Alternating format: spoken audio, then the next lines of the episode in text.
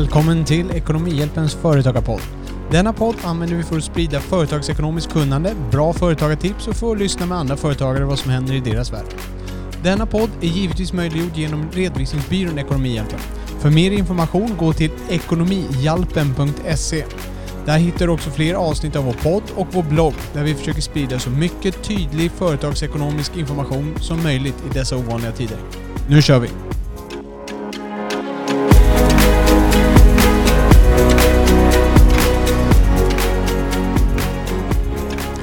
Ja, goddagens och välkomna tillbaka. Idag så ska vi prata ungdomsrabatter, vi ska prata förlängda anstånd och förlängt stöd för korttidsarbete.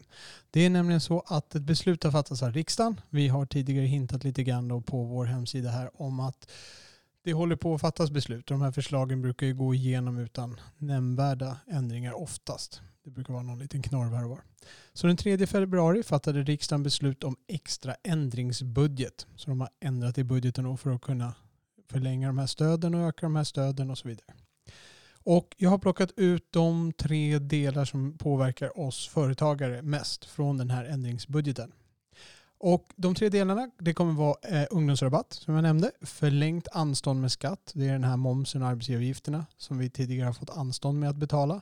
Och sen är det också förlängt stöd för korttidsarbete. Så jag ska gå igenom alla de här tre och jag ska försöka hålla hyfsat rask takt så att man får en övergripande men ändå tillräckligt matig bild av vad som gäller. Och vi börjar med ungdomsrabatten. Och där har vi då arbetsgivaravgifterna som har sänkts för ungdomar. Normalt så är det 31,42% arbetsgivaravgift för normala arbetstagare som inte är unga eller i pensionärsålder. Eh, och tidigare så har det funnits en gräns där ungdomar som är mellan 15 år till och med det år de fyller 18 år har sänkt arbetsgivaravgifter med 10,21 procent. De är sänkta till 10,21 procent ska jag säga. Nu har man då beslutat en rabatt för ungdomarna som är 18 år vid årets ingång till och med det år de fyller 23. Det här är ett förslag som tidigare fanns men som skulle börja gälla till april 2021. De tidigare lade alltså det här och skyndade igenom det här beslutet för att eh, kunna hjälpa till med, vid coronasituationen för att motverka ungdomsarbetslösheten. Så att då, nu kommer det alltså gälla ungdomar som är 18 år vid årets ingång. Till och med det år de fyller 23 gäller den här rabatten. Det är en temporär rabatt.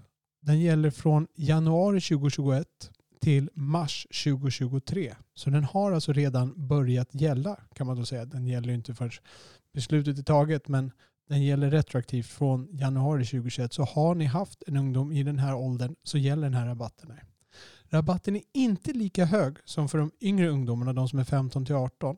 Utan här blir arbetsgivaravgiften istället 19,73 procent. Så för de här yngsta, 15 till 18, då är arbetsgivaravgifterna 10,21 procent. För de som nu är 18 till 23 så är 19,73 procent. Och för de som sen då blir över 23 är det 31,42 ända upp tills man blir pensionär om det inte är några andra särskilda omständigheter. Vad innebär här, det var det här i rena pengar? Ja, det blir ju en rabatt med 11,69 procentenheter. För nu går ju de här ungdomarna ner från att tidigare, eller tidigare har man betalat 31,42 procents arbetsgivaravgift så går det nu ner till 19,73 procent. Det betyder att du får 11,69 procentenheter rabatt. Och om man då räknar lite lätt så blir det 1169 kronor för varje 10 000 som den här får i lön. Så har man en ungdom som har 20 000 i lön så får du alltså cirka, ett, eh, får du cirka 2300, strax över 2300 i rabatt per månad på den här ungdomen. Den här rabatten den gäller dock max upp till 25 000 kronor. Så att om man, det är någon ungdom som har över 25 000 kronor i lön, då gäller den bara upp till de 25 000. Det som är över 25 000, där betalar du normala arbetsgivaravgifter 31,42. Så du får fortfarande rabatt upp till 25 000, men på de, allting som ligger över 25 000 får du betala fulla arbetsgivaravgifter, 31,42 procent. Det betyder att det mesta du kan få i rabatt, det blir ju, om det då är någon som har 25 000 eller mer i lön och som hamnar i den här ålderskategorin, då får du som mest 2 923 kronor per månad rabatt på den personen. Det är alltså 11,69 procent den rabatterade, den delen som man får i rabatt då, gånger 25 000 kronor. Det är det mesta man kan få i rabatt. Men då ska de alltså tjäna 25 000 kronor eller mer för att man ska kunna utnyttja den till max. Sen för de av er som är i regioner som eh, har regional nedsättning där arbetsgivaravgifterna redan är nedsatta av andra stödåtgärder som har funnits innan corona så är det en regel att arbetsgivaravgifterna får inte understiga 10,21 procent vilket är ålderspensionsavgiften. Det vill säga detsamma som de här ungdomarna 15 till 18 redan nu betalar. Så är man alltså i en sån här region där man har regional nedsättning då får de inte understiga 10,21 procent. Det här gäller ju då redan från januari och då börjar man tänka, ah, nej, vi har ju skickat in arbetsgivardeklarationen, vi ska ju skicka in den nu. Jag sitter och spelar in det här den 11 februari, det ska vi in imorgon. Vad gör vi nu? Ja, Skatteverket är givetvis medvetna om det här så de har gått ut med ett pressmeddelande att inga förseningsavgifter tas ut på de här äh, arbetsgivardeklarationerna. För det här handlar ju också till viss del om att här måste ju programutvecklare som gör löneprogram gå in och ändra och så ska det skickas ut en uppdatering där. För eh, det är inte alla som sitter och handräknar det här och så vidare. och Så vidare. Så att de kommer inte ta ut någon straffavgift på arbetsgivardeklarationen den här månaden om den är sent inlämnad. Deras utgångspunkt är dock fortfarande att den ska lämnas in i tid och bla bla bla. Och är det så att du aldrig lämnar in den, ja då kommer du få bli skönbeskattad. Då, då slipper du inte undan straffavgifter. Men det blir ingen förseningsavgift om du drar ut på den här för att det ska bli rätt. Så där var ungdomsrabatter. Ungdomar 18 till 23 år och det är alltså från det år de börjar året som 18, alltså från det år de fyller 19 till det år de fyller 23. Då gäller de här reglerna. Till och med det år de fyller 23. Då släpper jag den och går vidare till nästa punkt som också är lite kortare. Det är förlängt anstånd med skatt och det här har vi varit inne och eh, himlat lite om tidigare det är det här att vi har ju tidigare kunnat ansöka om anstånd med inbetalning av moms och det som vi kallar löneskatterna. Det är arbetsgivaravgifterna och den avdragna skatten som man har på lönerna. Det som man betalar in för lönerna är det varje månad och för momsen är det antingen varje månad, varje kvartal eller varje år. Det man tidigare kunnat gjort är att man har tagit tre perioder under eh, perioden januari till september 2020. Så man kunnat välja tre månader mellan januari till september 2020 och fått anstånd med att betala den moms eller de arbetsgivaravgifter man skulle ha betalat de tre perioderna får man anstånd i ett år. Så den momsen du kanske skulle ha betalat in i juni 2020 kan du då få anstånd med till juni 2021 och så vidare.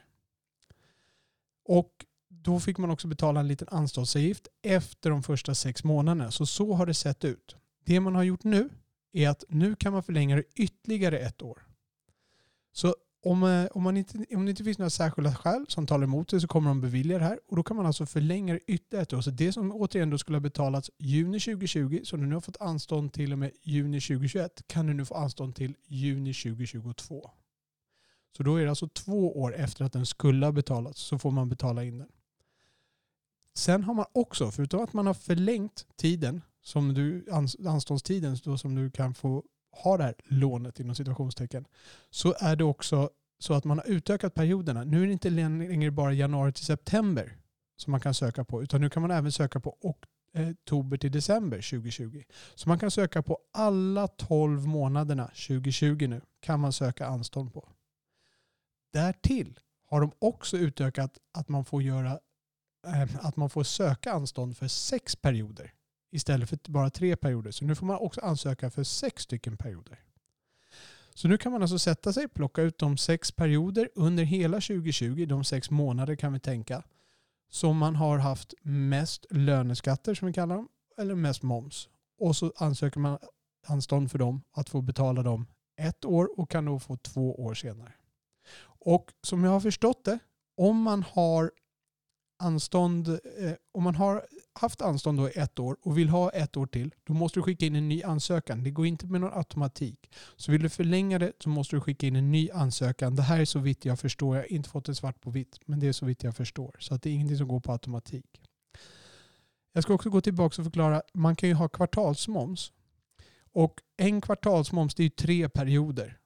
Så att efter, i och med att du fick tidigare söka tre perioder, du fick söka en kvartalsmoms fick du söka anstånd på.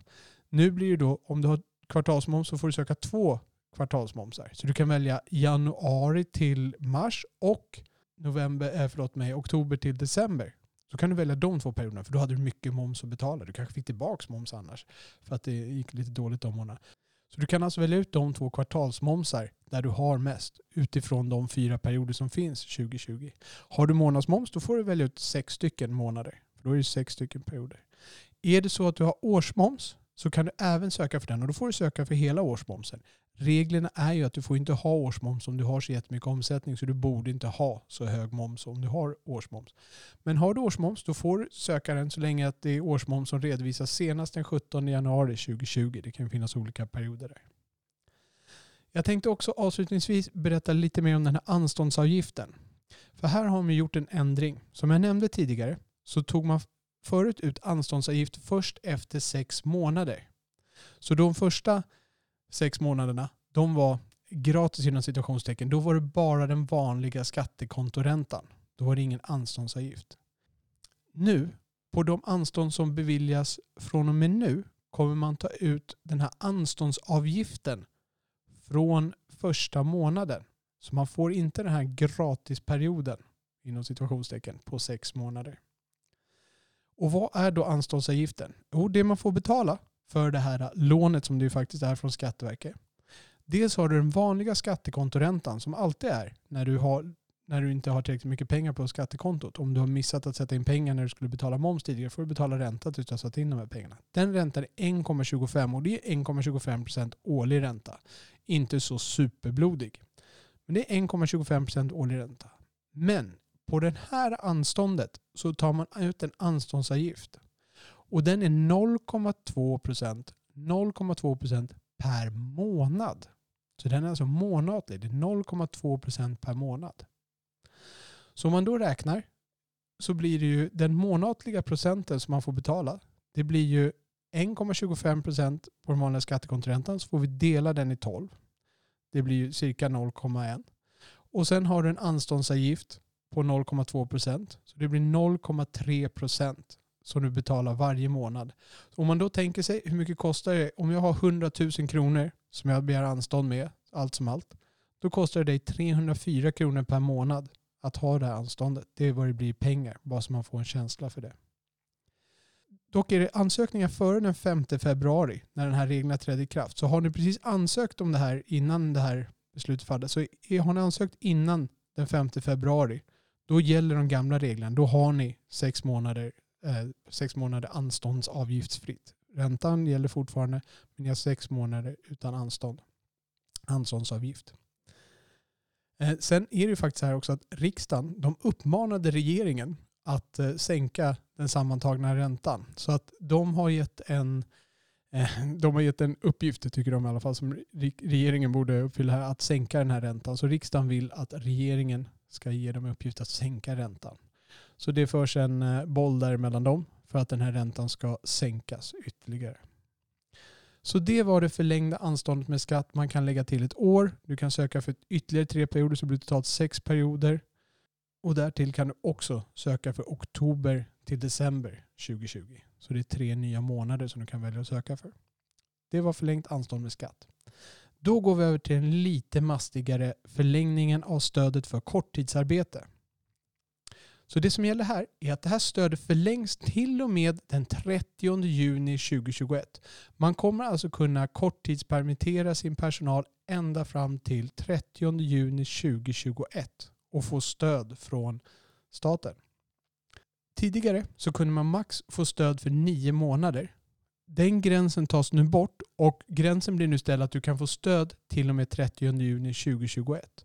Så att för den som till exempel började och få sitt stöd i mars, den som tog från allra första början när det här stödet kom, då kunde man max ha nio månader, det vill säga mars till och med november.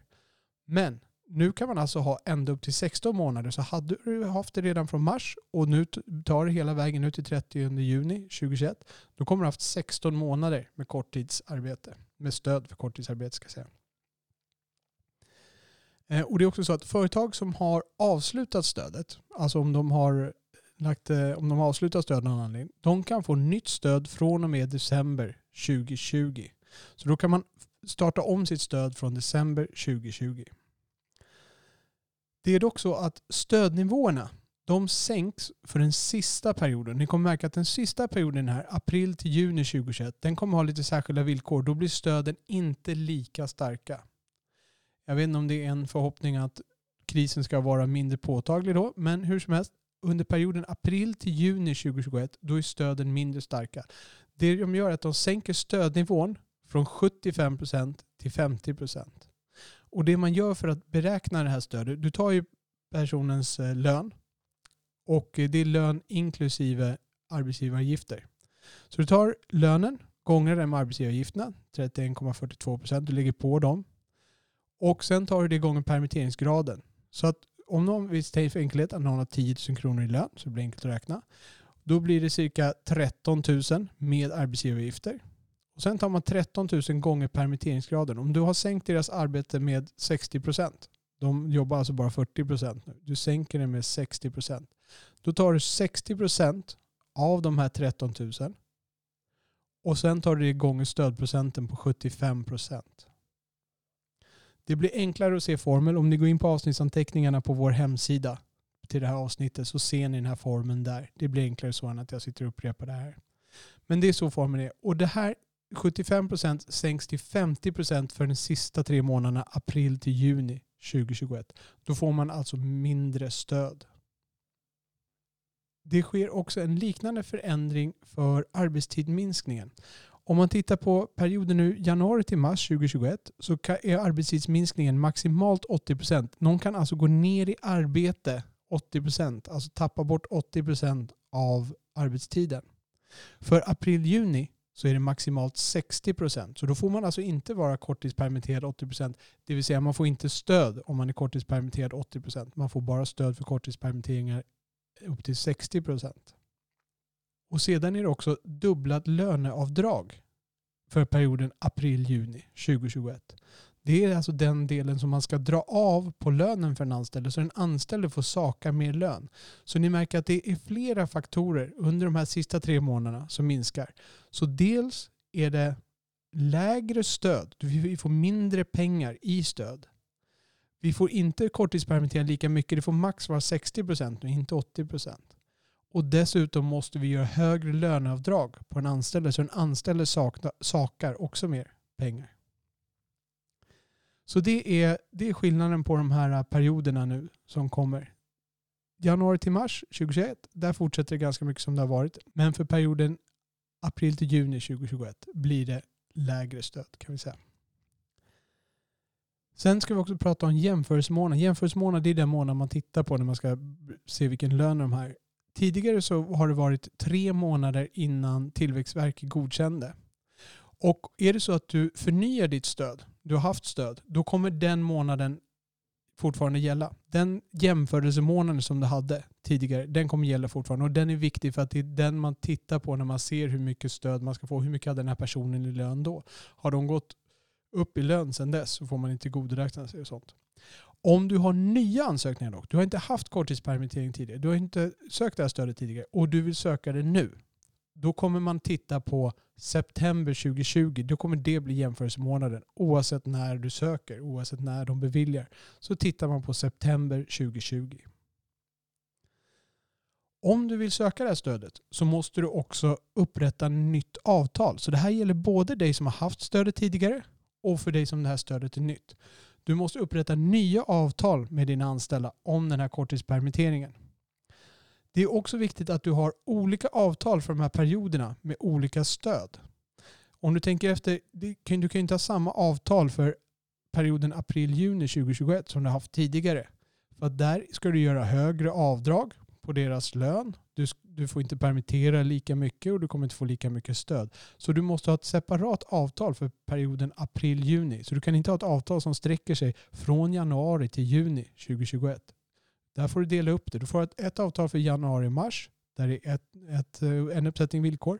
Och sen får du ett till avtal för perioden april-juni där de får högre löneavdrag. Då till exempel. Det är väl det som syns mest i det avtalet och de här avtalen de kan tecknas retroaktivt mellan 1 december till 15 februari. Så att ni kan alltså sätta ner och teckna de här avtalen nu. Och det 15 februari det är för att då kickar de här reglerna in. Så att nu kan ni sätta er ner och, upptäck, eh, nu kan ni sätta er ner och teckna de här avtalen retroaktivt. Nu på en gång. Så kasta er över det om ni vill göra det. En annan ny regel det är att man behöver revisorsintyg om ens totala löner är över 400 000 kronor under jämförelsemånaden. Så att om man går till jämförelsemånaden, om totala lönerna man betalade ut var 400 000 kronor eller mer, då måste man ha ett revisorsintyg. Och revisorn ska intyga två saker. Han ska intyga att bolaget har ekonomiska svårigheter som beror på coronapandemin. Och han, han säger, Hen ska också intyga att inga otillåtna överföringar gjorts och det är utdelningar och annat. Det kommer vi komma till senare. Man kan få ett stöd för att täcka kostnaderna för intyget upp till 10 000 kronor i och med att revisorer gärna tar betalt för de här bitarna. Det finns också ett par fall som gör att du inte beviljas stöd. Och det är om du har skuld hos Kronofogden och skulden är för återkrav av stöd för korttidsarbete. Så att om du har fått ett krav på dig, alltså att du ska betala tillbaka för din korttidsarbete som du har fått tidigare och det har gått till Kronofogden, då kan du inte få stöd. Du kan inte heller få stöd om du är skyldig att upprätta kontrollbalansräkning, det vill säga om ditt egna kapital, totala egna kapital är mindre än hälften av ditt aktiekapital. Jag går inte in på den förklaringen så mycket mer, men om du känner att det inte går så bra för företaget och du har hört talas om att nu är det dags för kontrollbalansräkning och egna kapitalet är lågt, prata med din redovisningskonsult för då behöver ni ta tag i det här på en gång. Det är superviktigt att ni håller reda på det med kontrollbalansräkning. Jag går inte in på det djupare på det här, men det är viktigt. Så känner ni er osäkra, kolla med redovisningsekonom. Vi kommer inte heller bevilja stöd om vi är på obestånd vid prövningen. Eh, det vill säga vi kan inte betala våra räkningar. Sen kommer det här med utdelning. Vi kommer inte få stöd om vi har gjort en utdelning två månader före stödperioden, under stödperioden eller sex månader efter stödperioden. Så det betyder att vi kan få stödet där, de beviljar och sen gör vi en utdelning bara tre månader efter vi har fått stödet, liksom innan, efter att sista stödperioden gått ut. Ja, då kommer vi lämna tillbaka pengarna. Och utdelning, eh, det är inte bara utdelning det gäller, utan det gäller även gottgörelse, det gäller förvärv av egna aktier, det gäller minskning av aktiekapital, minskning av reservsand förutsatt att de här pengarna går ut till aktieägarna. Eller, det här är också viktigt, återbetalning av aktieägartillskott. Det räknas som utdelning i det här fallet. Så om ägarna då på något sätt ser till att få ut kapital ur bolaget, vare sig det är utdelning, aktieägartillskott, man minskar reservfonden eller minskar aktiekapitalet för att det ska betalas ut till aktieägarna, då kommer stödet att återkrävas. Så att ingen sån här grejer under den här perioden, två månader före, under själva perioden eller sex månader efter, låt bli. Vänta, sitt i båten. Kan ni göra de här grejerna, då behöver ni antagligen inte stödet. Det är det som är tanken här.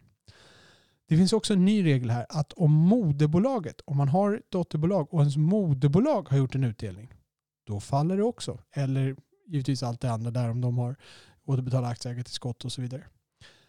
Det, det är okej att göra ett koncernbidrag men det får inte ske någon utdelning hos moderbolaget. Så det är en viktig del också. Ny regel, håll koll på att ni inte gör utdelningar i moderbolaget. Det är sabba för dotterbolaget. Så om ni har ett holdingbolag där, där ni brukar ta ut en liten slentrian, de här 180 000 kronor om året, för att det finns något kapital som ligger och skvalpar där, får ni låta bli det det här året. Annars faller stödet. Och vi har många kunder som har råkat illa ut för det här. Skatteverket är stränga på de här bitarna och de är också ganska trubbiga. Med förståelse så är de trubbiga. De kan inte gå in i varje fall och enskilt fall och tycka synd om den här personen. Det här var det så här. Så här. Det är väldigt trubbigt och objektivt. Har du gjort den här utdelningen? Nej, du får inget stöd. Pang, betala tillbaka. Och om vi går in på hur man ansöker om det här bidraget. Um, Ansökan behöver skickas in inom fyra månader från det som jag, som jag förstår det, den första stödperioden som söker. Som du söker för perioden januari till mars 2021 så måste det alltså vara inom fyra månader från januaris utgång. Så det betyder alltså februari, mars, april, maj. Senast i maj måste du ha sökt då om du ska ha med januari där. Så senast i maj måste du ha sökt.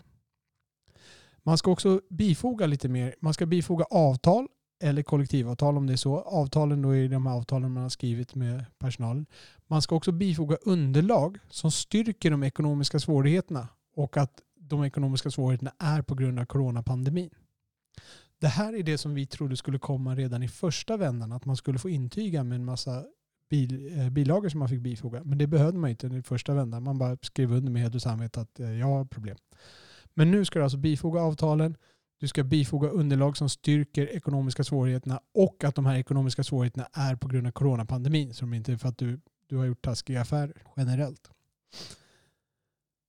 Och en annan ny sak är att utbetalningen numera kommer att fördelas ut över månaderna.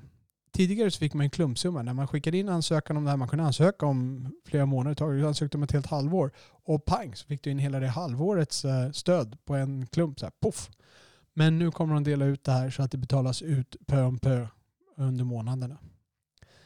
Den här regeln den träder i kraft den 15 februari. Den kommer dock gälla retroaktivt från 1 december 2020 men den träder i kraft 15 februari.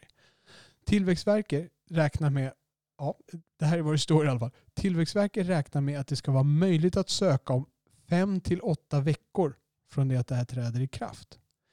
Eh, och jag har lite svårt att förstå vad den här tiden är, men det, det var så texten jag läste. Det var det det stod där. Det, det, betyder alltså att man inte skulle kunna söka det här stödet förrän kanske då, det, i och med att det trädde i kraft 15 februari, då är det alltså två månader nästan efter det. Så då är det mars, april. Så i april kanske man skulle kunna söka det här stödet. Så sent mars eller i april. Eh, det låter konstigt och det känns ju som att det gick nästan snabbare den första vändan med stödet här när de bara rafsade ihop det där. Och nu borde maskineriet finnas på plats. Eh, ja, så jag tar det med en nypa salt men det var så texten jag läste löd i alla fall.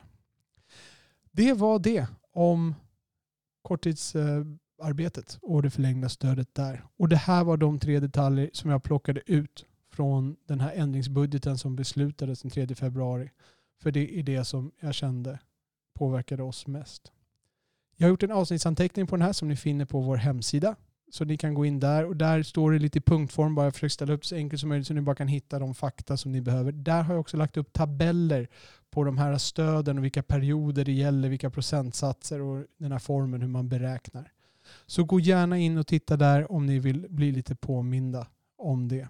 Lämna gärna kommentarer och ställ frågor där på den sidan också så försöker vi besvara dem så snabbt och eh, så bra som möjligt för att förklara det som kanske verkar oklart fortfarande.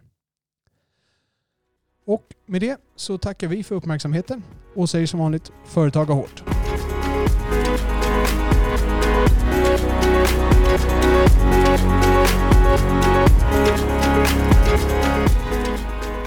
Du har lyssnat på Ekonomihjälpens företagarpodd.